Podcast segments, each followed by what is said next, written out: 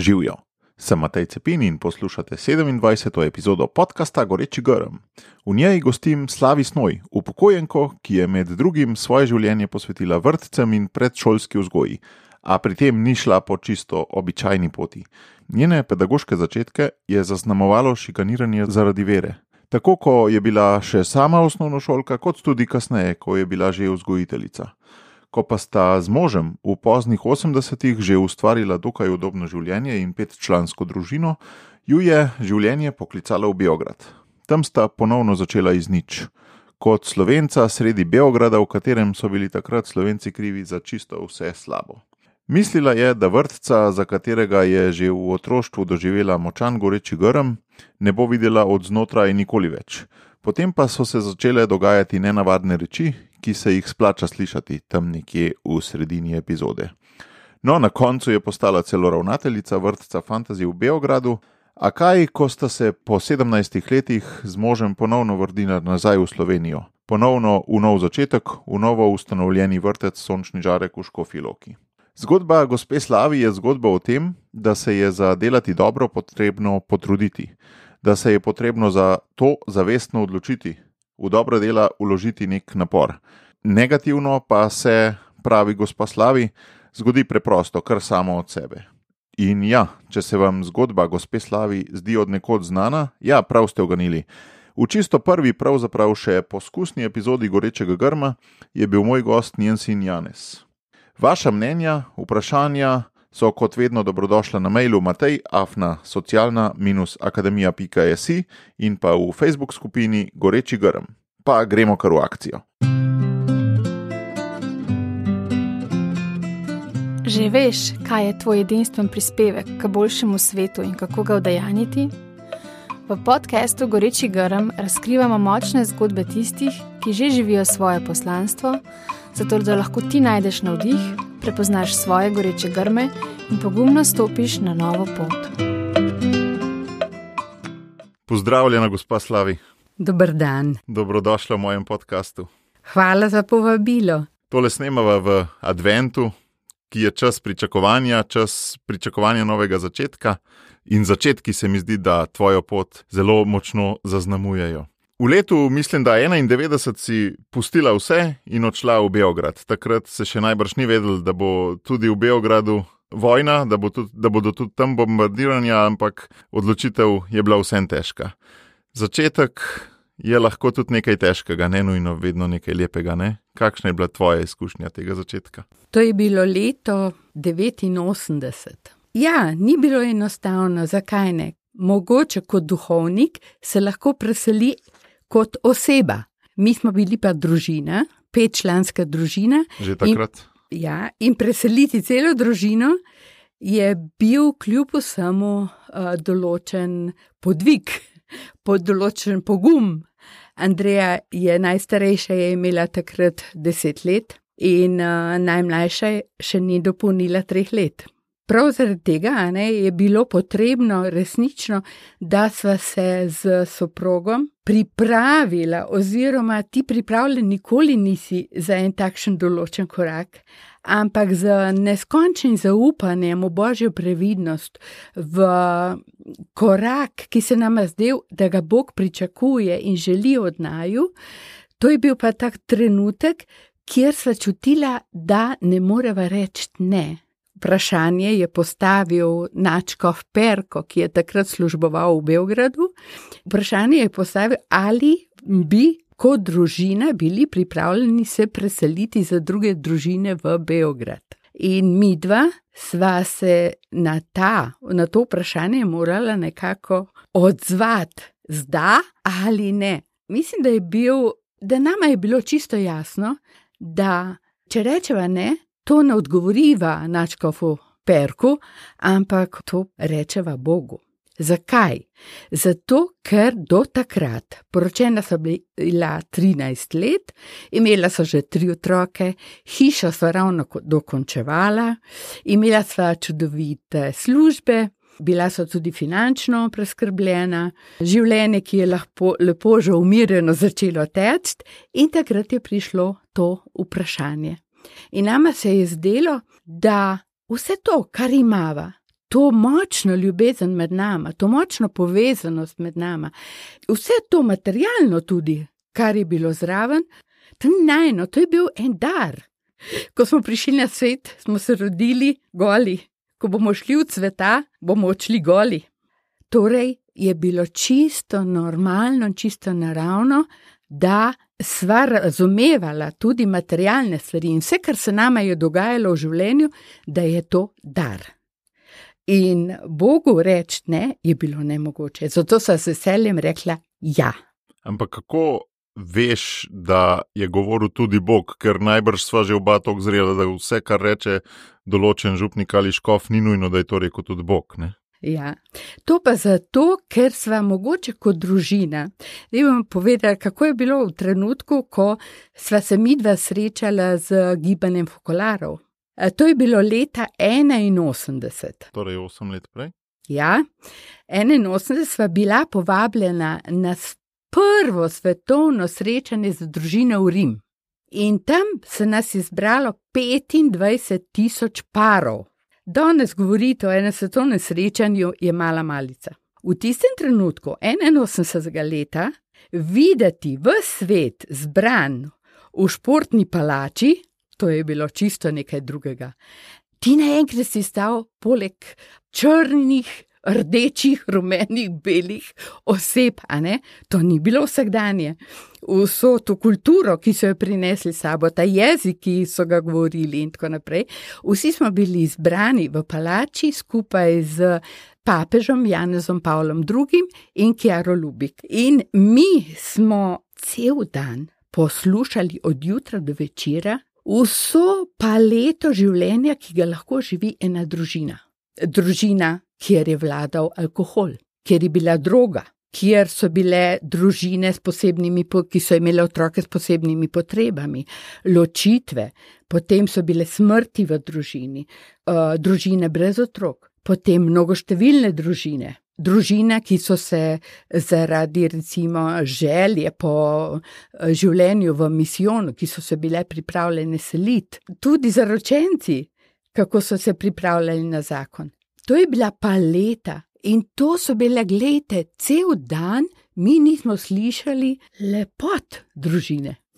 Mi smo poslušali o alkoholu, o drogi in tako naprej, o težkih trenutkih, ki jih živi družina. Pa vendar v teh družinah, v teh očeh, v njihovem glasu, mi smo zaznali srečo. Ker kot mlada družina, kaj smo si želeli, da bi bili srečni? In jaz sem rekla, ma, Andrej, kako bo vam midva učuvala srečo celo življenje? In zdaj, ko smo prišla tja, slišiš vse težke stvari. A naenkrat ti vidiš, da v njihovih srcih, v njihovih rokah je obstajal ključ do sreče. In se spomnim, kako sem rekla, Andrej, pa midva sta našla danes ključ do sreče. Je bil mož tudi tako navdušen kot Isto. ti? Ali... Isto, oba sva bila navdušena, gledala sva se in sva se smejala, ker sva rekla, tudi naši otroci bodo imeli možnost biti srečni. Zakaj?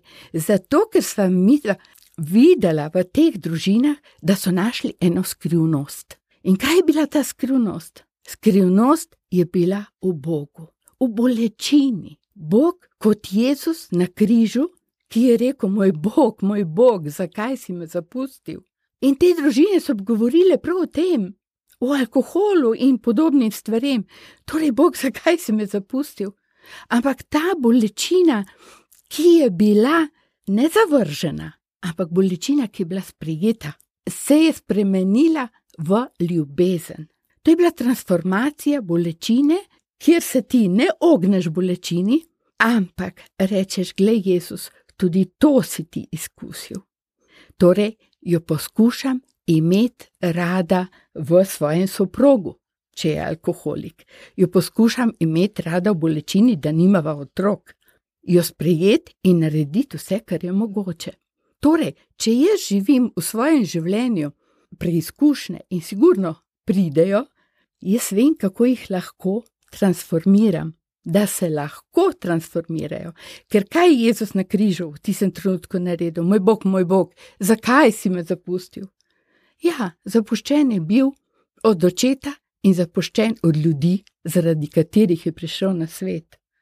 A v prav v tistem trenutku je on odrešil svet. Se pravi, ko je najhujše, to ni neka kazen, ampak je priložnost. Je ne, priložnost. Za, za eno stvar, kaj odrešiti. Ja, je priložnost, da se v tebi samem spremeni, se transformira tista bolečina v nekaj svetega, v nekaj lepega. Kjaro Lubih si ti takrat že poznala, sem po imenu ali osebno, ali čist prvič slišala Prvič. to ime takrat? Prvič, Ker potem je pa močno zaznamovala tvoje življenje. ne, Zelo. in Cele vaše družine. zelo je zaznamovala. Zakaj? Glej, v tistem trenutku, kaj smo mi slišali?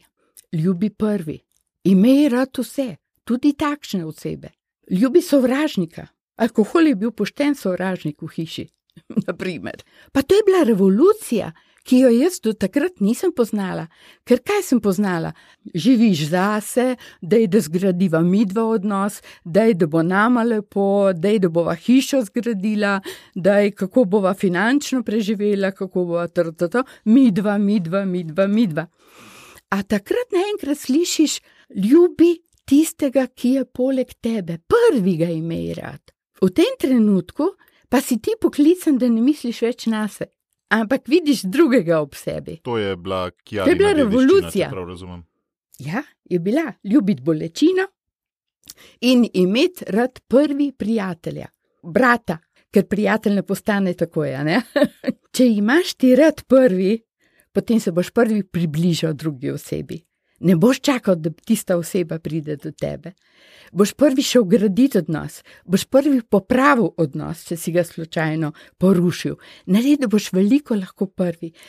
To pa košta, no, sem to sem hotel reči, to ni enostavno. To boli. Graditi en odnos in imeti zakaj bi rad prvi. šel v to bolečino? Zakaj bi pa to šel? Ja. Seveda, če nisi izkusil, potem ne greš. Ko pa ti izkušaš, izkušnja ti da eno moč, te postavi na noge.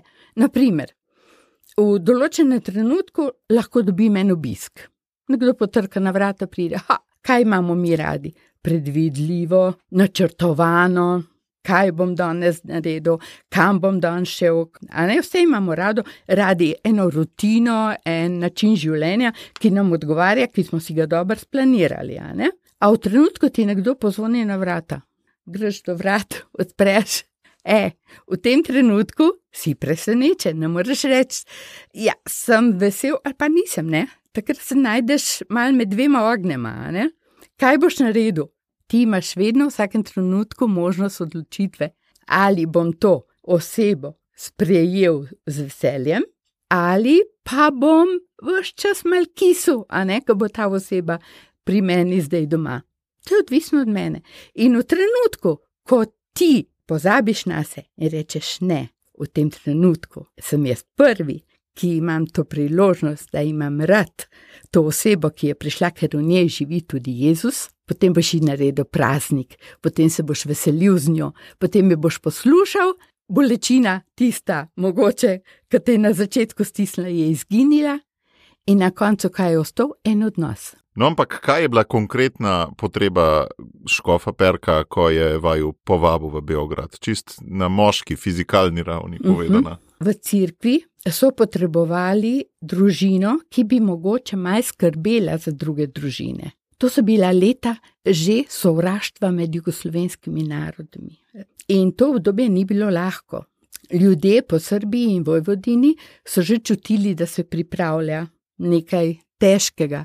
Ljudje niso imeli več služb, niso imeli hrane. Siromaštvo, ki smo ga takrat dol doživljali, bilo strašno. In kamioni, kamioni, ki so prihajali pomoči, nekdo je moral te stvari tudi transportirati potem naprej, da so prišle do ljudi, da so prišle do bolnic, da so, ker v bolnicah niso ljudje dobivali kosila. Dobili so, kot bi rekli, zdaj eno juho. Z malo korenčka, mogoče gor ali pa kakšen košček krompirja. a ne? Kako boš najprej nosil Božje kraljestvo, če ga ne boš najprej s hrano, najprej boš ljudi nahranil. In to je bila naša prva naloga. In iz tega, ko smo resnično ali po noči ali po dnevi, ko smo vozili te tovornjačke, avtomobile napolnjene in tako naprej, kaj se je dogajalo med nami, koliko prijateljstva, koliko nepozabnih trenutkov smo doživeli, koliko so bili ti ljudje, ki so dobili eno stvar pripravljeni dati naprej potem. Spomnim se človeka, ki je za svojo plačo dobil 50 kg za nekaj mesečno plačo in dobil 50 kg sladkorja. In, v materialu, ne v denarju. V materialu, ker v denarju se ni dobila plača. Ne? Poznam eno doktorko, ki je dobila za plačo pol prašiča. In to polovico prašiča je na svoji rami nesla na avtobus, ki je šla domov, mestni avtobus. To je Srbija je, leta 89, govorimo zdaj. 90, ja. 90. In potem je ta oseba prodala na avtobusu nekomu tega prašiča, ne? da je dobila nekaj denarja. Ne? Isto se pravi za ta sladkor, bil je čas božiča isto. In ta družina je na kilograme stehtala sladkor in ga potem po celi vasi podelila, da bi za praznike, če bojo pekli pecivo, bojo lahko sladkor si posladkali življenje, no? oziroma si ga olepšali, polepšali za uh mhm. -huh. praznike. Šlo je za revščino in prihajajoče, ja. čutil se je že neka taka nemirni kotel vsega skupaj in v to, v to id. A Ampak... veš kaj, če je, če je revščina, potem je tudi duhovna revščina. -huh. Ker kaj se zgodi, če ti nimaš za hrano, če ti nimaš kaj, da daš v naštedilnik, pa ne samo, tudi moraš, eh, kako bi rekel, ogreti stanovanje. Ljudje niso imeli drva, ljudje niso imeli olja, iz kavča so deske pobrali, niso imeli potem kavča, ampak so ga lahko imeli zaradi, zaradi njega, ne vem, en teden toplo stanovanje. No, ampak zanimivo je to, ne, ko greš na tako misijo, rečemo temu, ne, bi sodoben človek pričakoval, da seveda ti bojo pa tam nek dohodek za normalno življenje zrihtali. Ne, ampak če prav razumem, vas ni nobena služba tam čakala ali pa neki tasga. Se pravi, kaj je bilo treba dopoledne službo si ustvariti, popoldne pa prostovoljno delo. To je bila ideja vsega skupaj. Ja, škof Perko. Nam je obljubil za nekaj časa, da se lahko preselimo v ene prostore, ampak po štirih, to je bilo edino, kar nam je lahko obljubil. E, službo je rekel, pa si morate najti sami. Pa logično, da kot slovenci v tistem času ni bilo možnosti, da bi mi prišli recimo, v sistem. Ja, to je bilo nepojemljivo, to, to je nemogoče. Ne? Takrat je bilo dejansko, slovenci smo bili že vsega krivi. A seveda. Eh, ravno v tem času je bilo tako, da smo bili slovenci resnično vsega krivi. Ni bilo strašno, če smo šli po cesti in logično smo klicali Janes, naprimer sina. Sinu date pa tak imen. Ja, prav slovence in vsi so pogledali za, za nami. In potem smo videli, da ne bo šlo drugače, kot da sami, same dva začneva razmišljati, kaj naj narediva, s čim naj preživiva kaj bi bilo tisto, v kar ni potrebno veliko vložiti, pa da bo lahko, evo, preživela. In kaj so bile sveče? Nekaj, to so bile sveče, joj, še danes so mi zelo v srcu, ker niso poznala tehnologije, niso poznala, kje so tržišča, kje se prodaja, kje se dobi sten, kje se dobi parafin, kaj sploh rabiš, nič niso vedela. Ampak to je bilo edino možno, kupiš parafin, in začneš nekje ulivati. Samo da v Srbiji ni te navade. V Srbiji se sveče delajo na drugačen način, ne, ne v plastičnih, kako bi rekel, kozarčkih, ja, ja karkoli, ampak so navadne sveče. Samo, in to delajo v pravoslavnem svetu eh, žene od duhovnikov, od popov. Torej je to tržišče zasičeno s tem. Ne? Tako da smo morali se dosti znajti, potem tudi ukra, da smo ukraševali sveče. Veliko krat se nam je tudi zgodilo, da smo pustili parafin, ki bi lahko povzročil požar. In celo po enem letu tega dela se je zgodilo, da nam je tisti del, kjer prostor, ki ga je dal na razpolago župnik, ki je tudi slovenec bil v tej cerkvi, smo imeli požar ob treh zjutraj, so nas poklicali, gasilci so gasili, na srečo smo crkvo reši, rešili. Kako in zakaj se je to zgodilo, sigurno smo nekaj pozabili, ne? ugasniti parafin oziroma eno svečko. Veliko je bilo enih izkušenj, ki so istočasno nama osmišljale, zakaj smo mi dva dol kaj delava, ma se delava sveče, zato da bomo preživeli. Po Sloveniji bi nam, nam bilo veliko lažje. Zakaj smo tukaj? Ampak, se pravi, ta vprašanja, zakaj so prihajala tudi tam? Ja, na trenutke je prišlo vprašanje, zakaj ali Bog dovoli te preizkušnje za to, da se tudi mi dva istočasno, ko se odpiramo na zunaj, ko so se odpirala ljudem, tudi mi dva od znotraj gradiva. A kasneje je Andrej odšel, eh, so ga poklicali na nunciaturo, če bi lahko bil tam prevajalci in tudi šofer, da so rabile eno sigurno osebo. Andrej je prevzel potem to delo. Delo je imel pa redno službo, v bistvu. Ja, je imel redno službo in to je bilo veliko lažje potem. Jaz sem pa tudi prej si želela ostati še nekaj časa, saj z otroki, doma, da bi se malo adaptirali, da bi malo pognali korenine v novo zemljo. Uh, vedela pa sem, da mogoče v vrtu, ki sem ga imela zelo rada, prej v Sloveniji, kjer sem živela z vsem srcem, sem vedela, da verjetno se v vrte spad nikoli več ne bom vrnila. Ne? Spomnim se tudi po tem požaru, ko smo ostali brez vsega.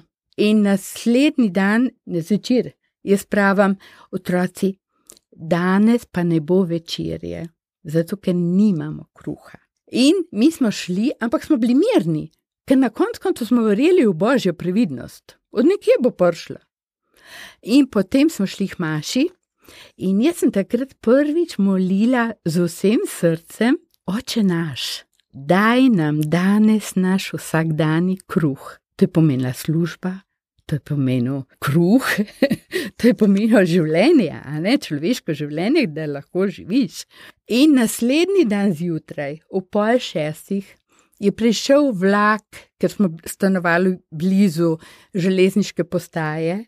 In na tem vlaku je bila oseba iz Makedonije, iz Skopja, ki je slišala za nas, in so ji dali naslov, in je prinesla na svoji rami 50 kg moke.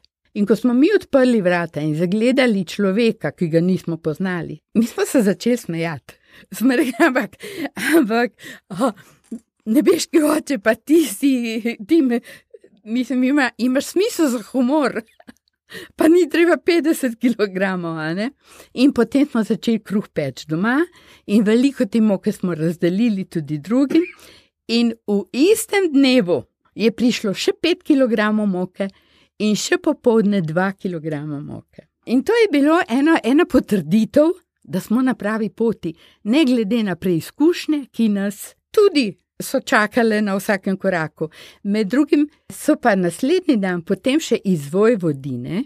Prišli avtomobili, v teh avtomobilih vse, vsa zelenjava, jajca, ne vem kaj vse v teh naših prijateljev, so pripeljali v naš dom, in spomnim se, nikoli ne bom pozabila, ko je najmlajša tekla po hodniku in rekla: Le, mami, kaj nam je Jezus dal?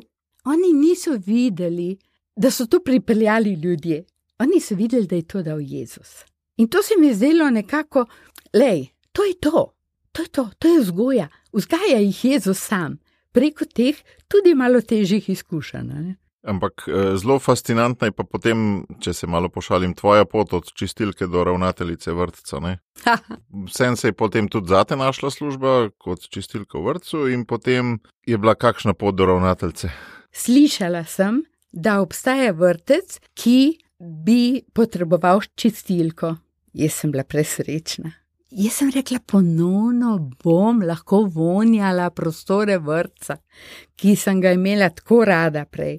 In sem šla uh, v ta vrtec, prijeli so me kot čistilko, in lahko rečem, da sploh ni bilo enostavno, ne? ker ti dejansko ne veš, kaj pomeni čistiti. Ne? Koliko je teh malenkosti, koliko je, kaj vse je potrebno počistiti, s kakšnimi uh, detergenti, kaj je vse potrebno, uh, da si ti dobro počistil vsak kotiček, vsako stvar. Ne? Prej nisem nikoli o tem razmišljala. Ne? v Čeprav si bila že Sloveniji. pedagoška vodja. Ne? Ja, jaz sem bila prej v Sloveniji pedagoški vodja enote in sem poznala pač svoje delo. In že v tem vrtu, sem, kjer sem bila pedagoški vodja, me je veliko stvari motilo. In veliko stvari bi rada popravila. Tu s čiščenjem v zvezi. pa tudi ščiščenje je bilo potrebno včasih. Ampak zdaj, ko sem pa ostala v tem vrtu in postala čistilka, a, jaz sem zavil- videla to dragocenost. Kaj pomeni delo čistilke? Ma isto je bilo pomembno kot vsako drugo delo. En kamenček, če fali, če manjka v enem delovnem procesu, v eni firmi ali kjerkoli, nišče ga ne more nadomestiti. In ko sem tako čistila, ne, sem potem, ko sem vse končala, bilo je pozen zvečer, pa sem gledala, kako imajo urejeno v vrtu, pa sem videla, da se da kakšna stvar tudi malo popraviti, malo urediti, malo po pedagoško, bolj prišlo še malo usmisliti. Predhodno znanje uveljavo. Ne? Ja, to je bila za mene največja radost, mm. da sem lahko malo pedagoško potem usmislila določene stvari in čakala, če se bo kdo naslednji dan pritožil. Si bila kot nek Miklaš na nek način. Ja, ne? pa nisem, pa se ni nihče Pač pritožil. na ne. skrivaj neki ušti- ušpičila. ne. Ja, ja, ja, prav tako je bilo. Mm. No, in potem to ni trajalo dolgo, mislim, da je bilo okrog dva meseca, ko je potem ena od vzgojiteljic šla k direktorki in uh, je rekla: Jaz bi pa zelo rada videla, da bi ta oseba ostala pri nas in, kot, in delala kot vzgojiteljica, ker se mi zdi, da je to smisla zdaj naše delo, da mi brez nje ne bi bili več. In ona je rekla: Ne, pa nimamo. Prostora imamo vse zapolnjeno, a ne, eh, s kadrom. to si ti kaj namignila komu ali Ne, čist ne, nič? čisto Se je to nič, sploh nisem čisto vedela. Neodvisno. od- Čist neodvisno od mene.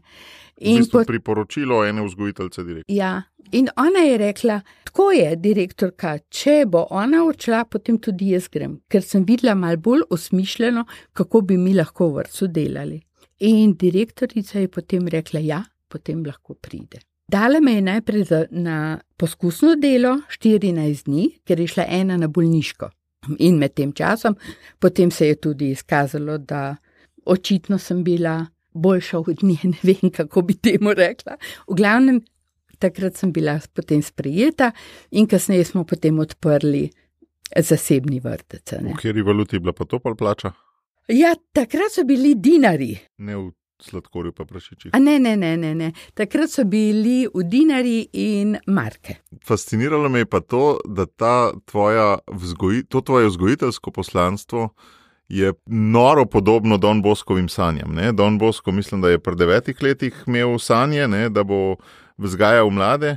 Ti pa pri 12, en tak, temu bi jaz rekel, goreči grm, ne? ko je skupina otrok šla v tvojem rodnem Zagorju mimo vaše domače hiše. Zdaj, ko smo v tem podkastu s tem naslovom, moramo se tega nujno dotakniti. ne? Ja, jaz sem stala zraven hiše, ko je šla ta skupina otrok z gojiteljicama mimo. Jaz ne vem zakaj, jaz sem ostala kot ukopana. Jaz sem jih gledala, vse je drugo izginilo. To je bil kot en trenutek večnosti. Jaz sem videla sebe med njimi. In to se mi je zdelo ta občutek, močen občutek, ko se nekaj v tebi prebudi, oziroma ko se nekaj pojavi, kar je že prej bilo. nekaj, kar te zaznamuje. In ta občutek traja še danes. Če se jaz spomnim na tisti trenutek, je kot trenutek večnosti, ki traja še danes in mislim, da bo tudi v večnosti. In te zaznamuje, ne? Si, si to. Si to. Jaz sem v tistem trenutku vedela, da želim postati vzgojiteljica in ničesar drugega. In zakaj? To je skrivnost. Ampak jaz vem, da potem tudi ni bilo tako enostavno, ne? ker sem bila le otrok eh, vernih staršev, kar je bilo pa za tisti čas.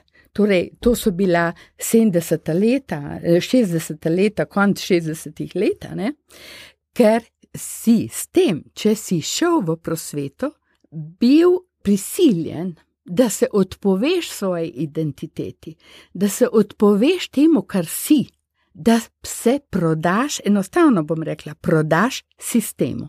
In to je bil komunistični sistem, ki ni odobraval, kristijanov bi rekli, Mi smo bili drugorazredni in to smo čutili že prej v osnovni šoli, kot otroci. Po čem se je to recimo videlo? To je bilo potem, da smo recimo po velikih praznikih ali po nedeli bili poklicani v razredu, naj ustanemo in naj glasno povemo, kdaj smo bili pri Maši. To je bilo ponižujoče. Je sankcija potem sledila, če ste bili, ali je bilo ne. samo ponižanje s tem v zvezi? Pač samo poniž jih, samo pač ponižanje. Mhm. Stali smo sredi razreda in čakali, da so nas poimensko popisali. Mhm. In mi smo čutili, da smo naredili nekaj zelo strašnega, nekaj, česar bi se mi morali sramovati. Mhm. Pa nismo vedeli, zakaj. In ko sem doma povedala, sem rekla: pa kaj, kaj smo mi s tem naredili, ko smo šli k mači, kaj se je zgodilo? In moja mama je samo rekla: Nič, ti samo stani in povej, kako se pišeš, kako ti je ime, kot vedno, so vsi vejo, drugače pa bodi tiho.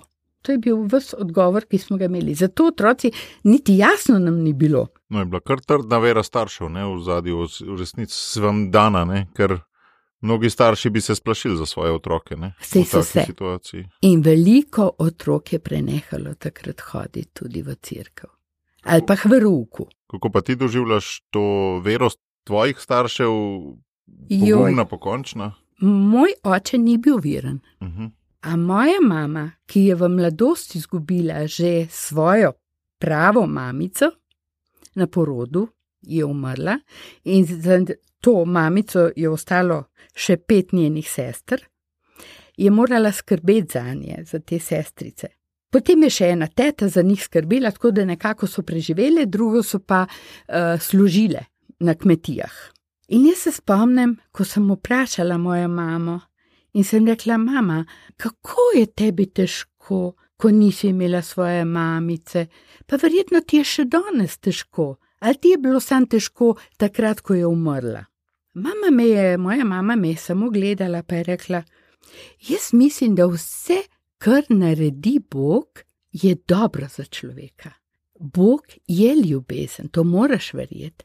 Veš, kaj zdi se mi, moja mamica je rekla, je bila zelo pridna, zelo delovna, ni bila verna. In jaz mislim, je rekla, če bi ostala naša mamica živa, mi ne bi bile verne.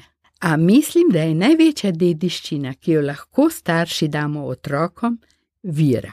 In mi smo preko te tete dobile viro. In to nas je vseh teh pet sestrc rešilo, da lahko življenje živimo tako, kot ga živimo. In moj oče nikoli ni mami nasprotoval, kar se tiče vire. Je rekla: Vse drugo imaš lahko, lahko ti doma. Vsem te bomo poslušali, se bomo dogovarjali, bomo. Kar se tiče vire, je preveč dragocena, da bi se lahko midva poga pogajala ali lahko ostaneva v tem dialogu. In oče je rekel ja. In nikdar otroci tega nismo začutili. Na koncu, pred smrtjo, tri, štiri leta, je postal tudi sam veren. Čeprav je imel že prej najbrž kakšne probleme zaradi te mamine trmene. Ni imel. Ni imel. Ne. Pač popisovanje lastnih otrok in tako naprej. Ja, v tem smislu ja, ampak nikoli ni eh, ničesar ni rekel. Eh, so ga vabili v Zvezo komunistov in nikoli ni šel. Hmm. Tako da mislim, da je tudi sam eh, te odločitve eh, nekako sprejemal v svojem srcu in se zavedal tudi situacije, v kateri smo živeli ali pa so živeli. Ja, si pa potem že zelo mal uh, ob upisu na uh, srednjo vzgojiteljsko, če sem prav razumel, ja. videla, da je to potrdi, se ti je potrdilo. Uh, jaz nisem verjela skoraj, da je možno, da bom upisana zaradi sistema, v katerem smo živeli. Pa vendar jaz sem čutila, da jaz se bom za določene stvari v življenju morala sama odločiti, da mi pri tem ne more nišče pomagati. Če jaz želim na vzgojiteljsko šolo, verjetno me bo čakal določen boj, zunani in tudi notranji. Tudi jaz se bom morala odločiti, da bom šla preko vseh hribov, ki mi bodo nastavljeni. In pri tem je bila zelo pomembna upora staršev, tudi mame, ki je rekla: Lej, bo težko, ne vem, če boš uspela. Je rekla, ampak sem s tabo. Ne vem, jaz sem bila ponosna, vedno sem bila ponosna na to, kar sem. To, da, mi, da sem imela to viro. Jaz, ko sem šla v šolo, Jaz sem šla vsak dan mimo cerkve in za trenutek sem se ustavila pred Marijinim oltarjem. Kdo mi je to rekel? Pa zakaj sem šla? Ne vem. Jaz sem šla, ampak v tistem trenutku sem čutila tak mir v sebi. Dovolj mi je bil samo sekunda, deset sekund, minuta, da sem se vsa pomirila v sebi in potem sem šla naprej. Ne vem, ne vem zakaj. So stvari, ki jih ne znaš razložiti. Pa si pa še, čeprav razumem, na faks se upisala in tudi tam bila čist uspešna. Brez problema. Tam ni bilo pol nobenih takih problemov. Ne.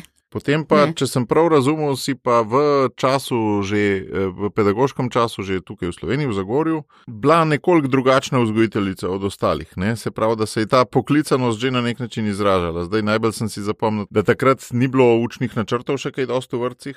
Bil je letni program in ta letni program je bil vezan za letne čase. Torej, če je zima, zdaj bomo z otroki razpravljali o zimi, risali, se pogovarjali in tako naprej. To se spomnim, sem že sam hodil takrat. A ne? Je bilo tako. Od leta tam ene 79 do 83 sem ja. bil sam uporabnik. Nič ni manjkalo. Ampak v enem določenem trenutku, mi smo, recimo, jaz vidim v šolskem sistemu, oziroma vrčevskem sistemu, ali je bilo to samo v Zagorju, to še danes ne vem, kjer se je čutilo, da se bolj ali manj čuti, da smo v družbi, da smo vzgojitelji samo, da imamo varstvo otrok. A to ni bila re- resnica. To je tudi izobraževalna ustanova. In to nas je motilo, to je izgledalo kot, a ne v šoli se potem učijo in to tle pa samo eno varstvo. In to nas je, to, to nam ni bilo všeč. In potem je v enem trenutku so rekli, izgleda so se uh, tako določili, da so vsi direktori različnih podjetij in tudi šol, ki so obstajale na našem terenu, da so prihajali v vrtec in da so v vrtu gledali eno, recimo, mal posebno uro, ki jo je ena vzgojiteljica pripravila, da bi spoznali, kakšno je delo v vrtu in kaj delamo v vrtu. In direktorica, še danes jo vidim, ravnateljica, je rekla: Ja, in slavi ti boš prva. Lej, to naj bo zakazan, pač, ker jaz sem vedno zakazan, ker sem bila drugorazredna, ker so vedeli, da gremo v cirkev. Tudi če so na aktivu, ko smo bile vzgojiteljice na aktivu, ne, so rekli ja, in lahko rečemo, slavi, da si bila zopet pri Maši ne, v nedeljo. Aha, in to se je na sestankih. to se je na sestankih glasno rekla. In še za eno drugo tudi. Jaz sem rekla, ma super, a ne, še ena druga, nisem vedela, da je bila pri Maši. Uh, sem rekla, super, a ne, bo imela več poguma, da bo rekla ja. In ona je rekla, ja, ampak sem bila zadnjiča, ne. Se je ustrašila. To niso bili lahki časi. Si bil drugorazredni. No, in jaz sem lepo rekla, ja, sem bila, in vedeli so, da bom še šla. In zato je bilo veliko rečeno, in potem zakazan, kot, ne, te čaka to in to. In tako sem jaz imela potem tisti prvi nastop, in na prvem nastopu smo imeli, recimo, da smo pokazali, kako se mi učimo fiziko, naprimer, in tako naprej. Ne? Ampak naslednji mesec je bila na vrsti druga vzgojiteljica. Ta druga vzgojiteljica, ki je bila na vrsti, je prišla k meni. A mi lahko pomagaš, ker si prvič tako dobro naredila? ne?" In Rekla sem, ne povedati. In tako se je potem valil kamen. Iz meseca v mesec, in tako smo postali res en, eni prijatelji, prav iskreni, ker smo videli, da si pomagamo, brez da je kdo vedel, da si mi pomagamo in da smo, da smo zgradili ene odnose. Prav, tvoja inovacija je na nek način bila, da si zahtevne predmete, ki pol šele pridejo v višji stopni, v osnovni šoli ali po srednji šoli, inovirala v vrtcu na nek Ja, način. Ne? Ne vem, na, na enostaven način, ki je bil prilagojen ja. za predšolskega otroka. Ne? Nekaj, kaj dimnike ste izdelovali, pa gledali tam v Zagorju, kako se Ja, dim vali, seveda. pa kako To se zrak industrijski, industrijski kraj, sama mm. industrija. a Ne? In otroci, veliko je bilo astmatikov in tako naprej. Tako da je bilo dobro, da so tudi vedeli, kje so, kaj se dogaja, če je veliko industrije. In je prav, da je industrija, ampak tudi s sabo potegne tudi stvari, ki so lahko škodljive za nas ljudi,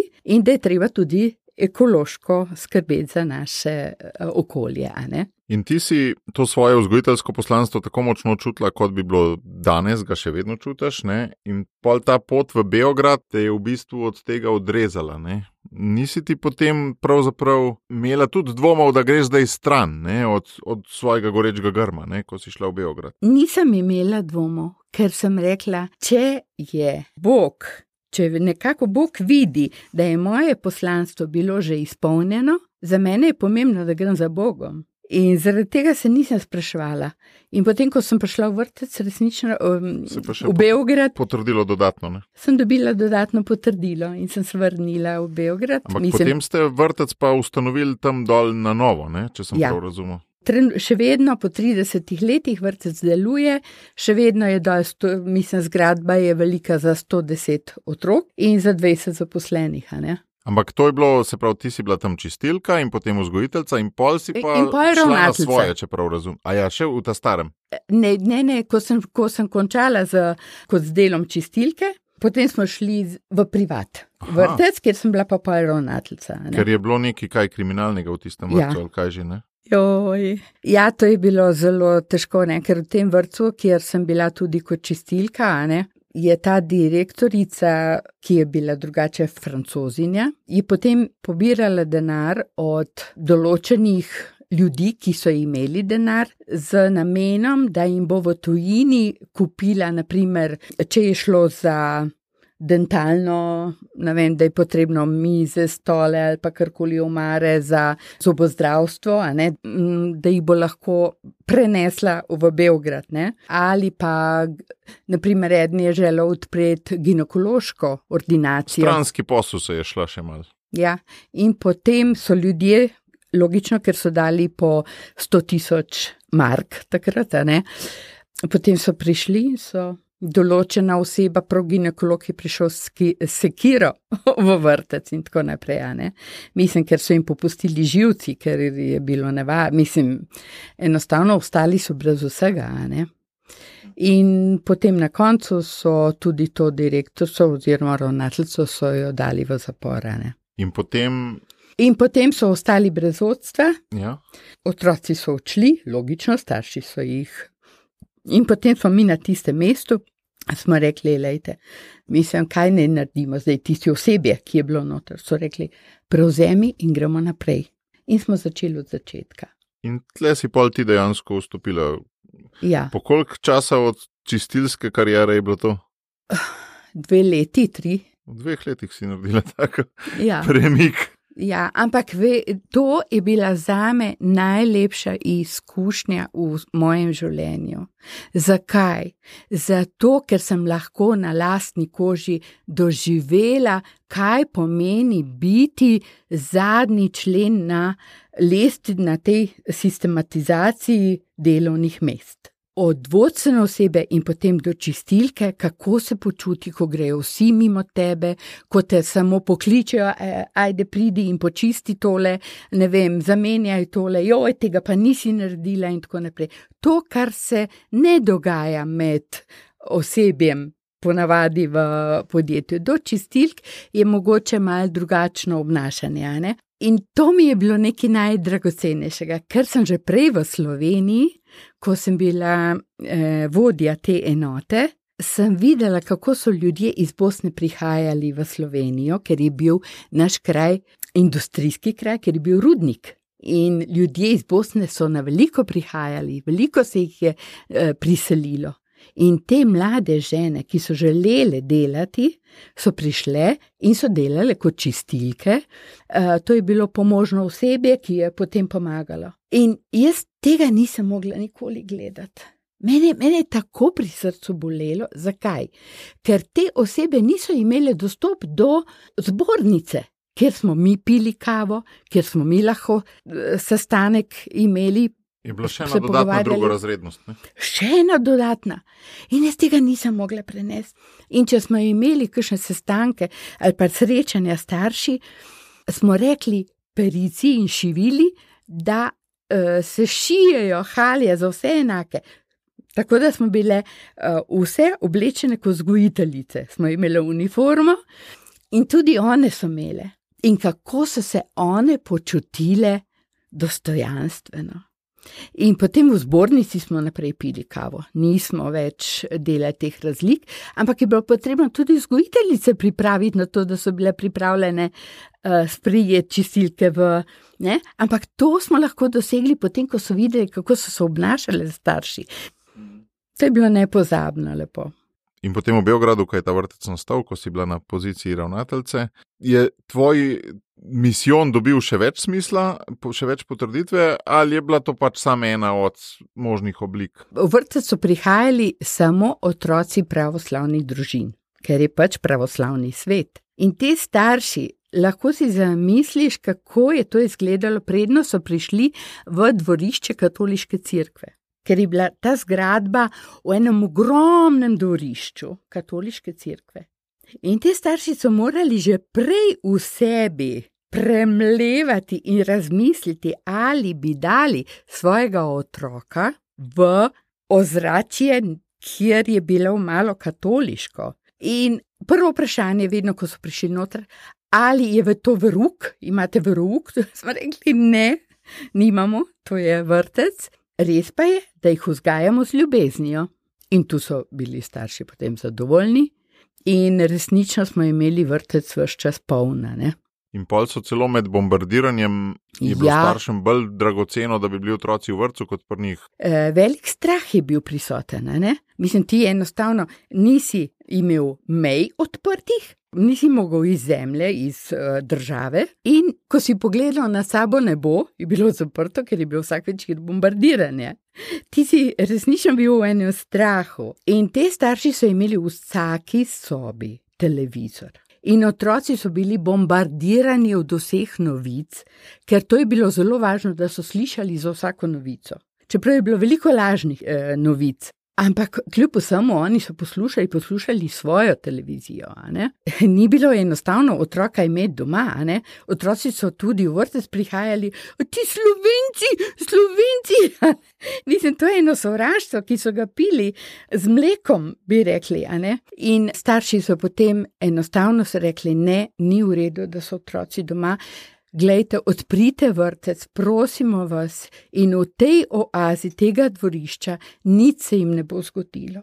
Mi smo se bali prevzeti odgovornost, smo rekli, kaj če slučajno se zgodi, ker je bilo veliko nesreč.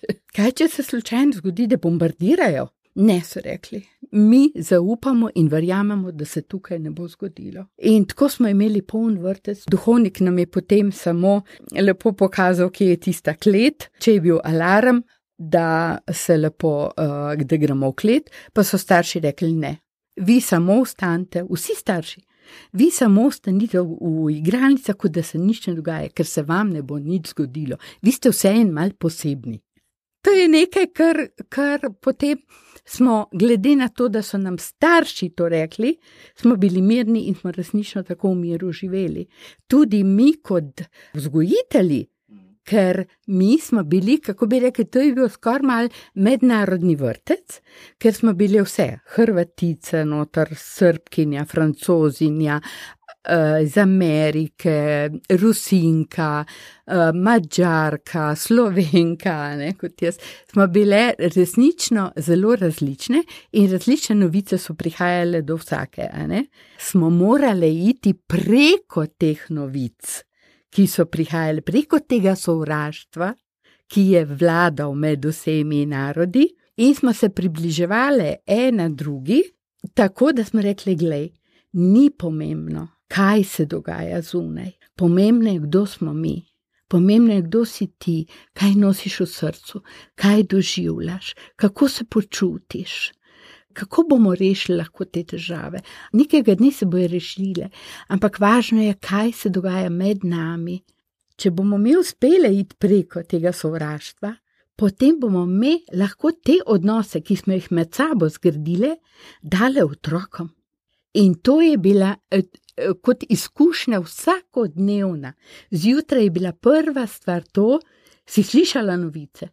Ampak le, le, le, mi nismo to kot da nismo slišali, v redu. In potem smo resnično lahko otrokom dali vse, kar bi. Jaz sem sigurna, da ti otroci niso bili zaznamovani sovraštvom. Po 17 letih ste se pa z družino vrnili v Slovenijo in ti si potem v Škofiloki odprla vrtec Sončni žarek. Ne? Ja, nisem ga jaz, to je župnik. Je odprl župnijski vrtec, jaz sem pa prišla, ko je vrtec delal že dve leti. A, že. Aha. Ja, potem smo začeli tudi v našem vrtu začeti te medsebojne odnose, ker to je uh, najvažnejše. Kaj lahko dava zdaj drugim, samo to, kar imamo mi dva med sabo, mislim. In tudi otroci lahko dobijo to, kar se dogaja med nami. Če bomo mi osebnostno rasli, če bomo mi gledali na stvari zdravo, razumsko, potem jim bomo to lahko, to la, realnost lahko dali. Se je pa to potem tudi transformiralo in poimenovalo kot pedagogika skupnosti, kot en pedagoški koncept? Kjara Lubik je že takrat govorila o skupnosti. Kdaj se skupnost gradi? Ko mi dva začneva graditi nose med sabo. To smo rekli, ljubi prvi, mejrat vse, ljubi sovražnika na koncu koncev in tako naprej. To so recimo besede, ki jih poskušamo dati v življenje. In ko ti tako živiš, ti nekako, ali pa recimo mi v vrtu, ko tako živimo. Ma to je čudovito uh, začutiti, kaj pomeni ta skupnost. Ni potrebno, da imam jaz vse talente, da imam jaz vse sposobnosti. Ali pa ti, kot če bi bil vzgojitelj, ni potrebno, da imaš vse. Ti imaš eno, ene sposobnosti, drugi ima druge, tretji ima tretje sposobnosti.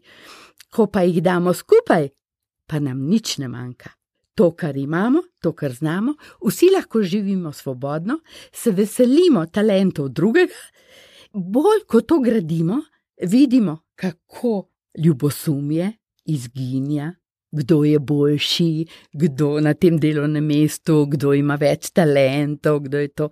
To ne obstaja več. Zakaj? Ker tudi tista, naprimer, ki je zdaj uspela eno umetniško delo narisati, naprimer, imamo likovno pedagoginjo, Ampak nikoli ne rečemo, kdo je to naredil. Oh, mojca je to naredila. Ne, nikoli to ne rečemo. Zakaj? Ker idejo je dal nekdo drug. Mogoče, ki je bilo potrebno uh, prenesti barve, bilo potrebno ne vem kaj, zato da bi skupaj kot popravil še idejo, ali pa obnovil idejo, ali pa dogradil, ali pa karkoli, je bil spet nekdo drugi. Je bil spet nekdo drugi. In na koncu, kdo? Mi. Če mal provociram, ravno komunizem, ki, vas, ki te je v otroštvu tako zaznamoval, je zdaj pa postal ena taka temeljna ideologija. Provociram mal. ja, ja, Nič ni, ni individualnega, vse je skupno. Ne? Ja, ne, ne. Če je razlika med tem? Vsak ima svojo identiteto in vsak jo mora imeti od nas. Vsak je posameznik pred Bogom, s svojimi talenti, z svojimi darovi, z vsem, kar je svojim karakterjem. Tudi karakter si nismo mi sami izmislili, nihče od nas. Se pravi, komunizem je bil zato, da je vse skupno, ampak obenem tudi, da moramo biti vsi enaki. Medtem ko Tako, pedagogika med... skupnosti ima pa to obdrži od komunizma ampak to do, skupno dosežemo v medsebojni raznolikosti. Tako je. Tako je. Samo če si to, kar moraš biti, v tej svobodi, v tej kreativnosti, v, tej pre, v tem presegajočem enem duhu, eh, takrat lahko potem tudi daješ in tudi prejemaš. A ne, da si ti, potem tako kot je bilo v tistem času, kaj so bili vrci, mi smo sprejemali otroke v vrtec, zakaj? Da bi nekega dne glavice smo jim polnili sistemom, da se bodo obnašali tako, kot je sistem želel.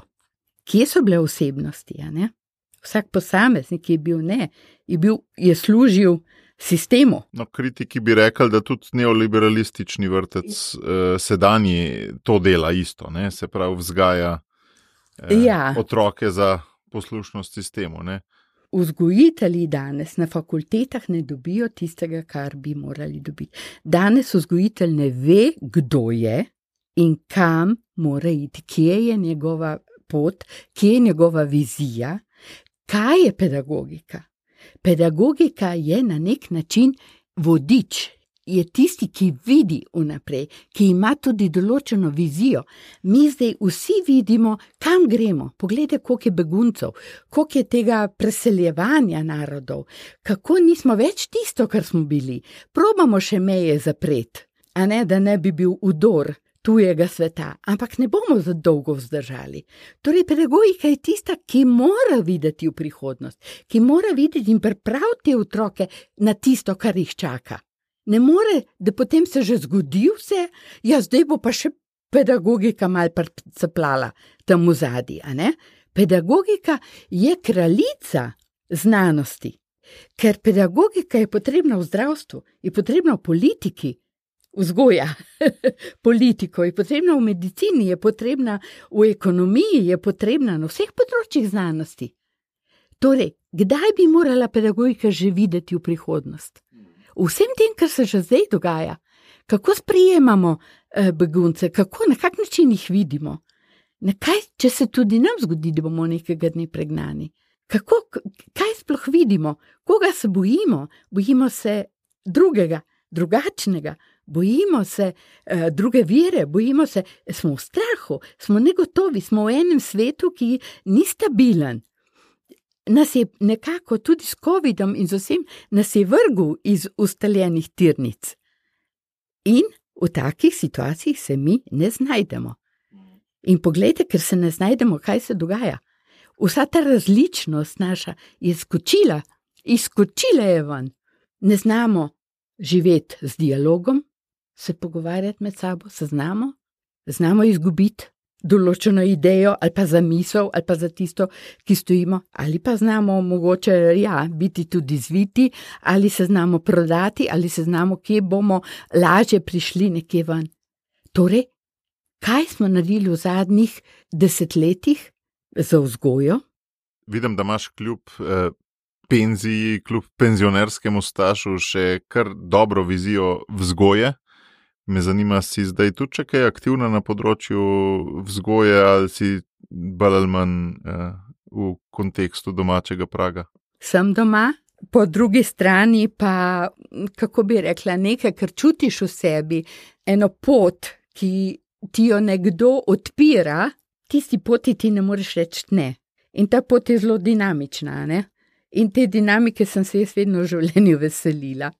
In uh, dokler da bom lahko, bom z veseljem se borila za te ideje in delala za to, da bi se ljudje na svetu počutili dobro, da bi se zavedali tega, da je graditi boljši svet naša naloga. Ravno to je želelo biti moje zadnje vprašanje. Kaj je tisto, kar v življenju po tvoje res šteje? Zdaj, če greva čez tvojo zgodbo, eh, na različnih krajih A je bil kakšen skupni imenovalec tega? E, trudice za dobro. Eno primerjavo sem slišala enkrat, ampak je čudovita.